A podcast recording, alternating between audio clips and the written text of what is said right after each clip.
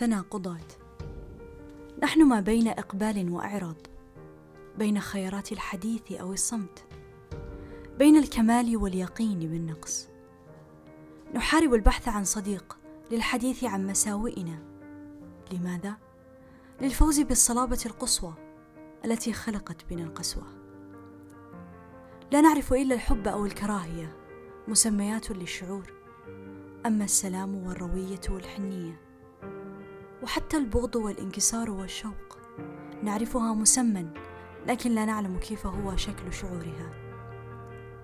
لا نعرف إلا السعادة أو الحزن. أما السلام واللطف والهدوء والسكينة وحتى الكبت والهم والقلق بعضنا يعرفها مسمى لكن لا أحد يعلم درجات تلك المشاعر أو أي من مشاعرنا هي. لهذا لا نعلم كيف علينا أن نواجه.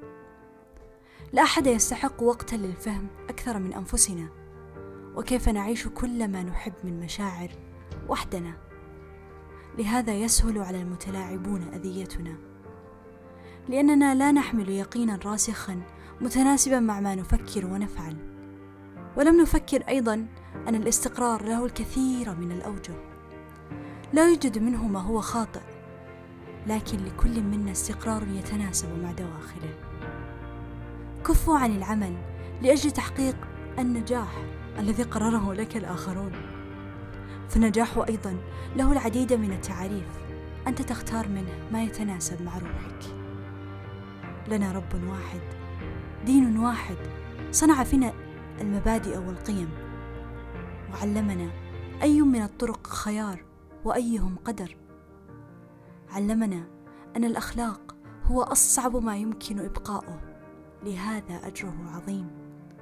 أصبحنا نعتقد أن الخطأ صعب الاختيار لكن عليك أن تدرك أن الصواب يا عزيزي أصعب. لهذا نسب للمسلم المسلم عقلا وقلبا.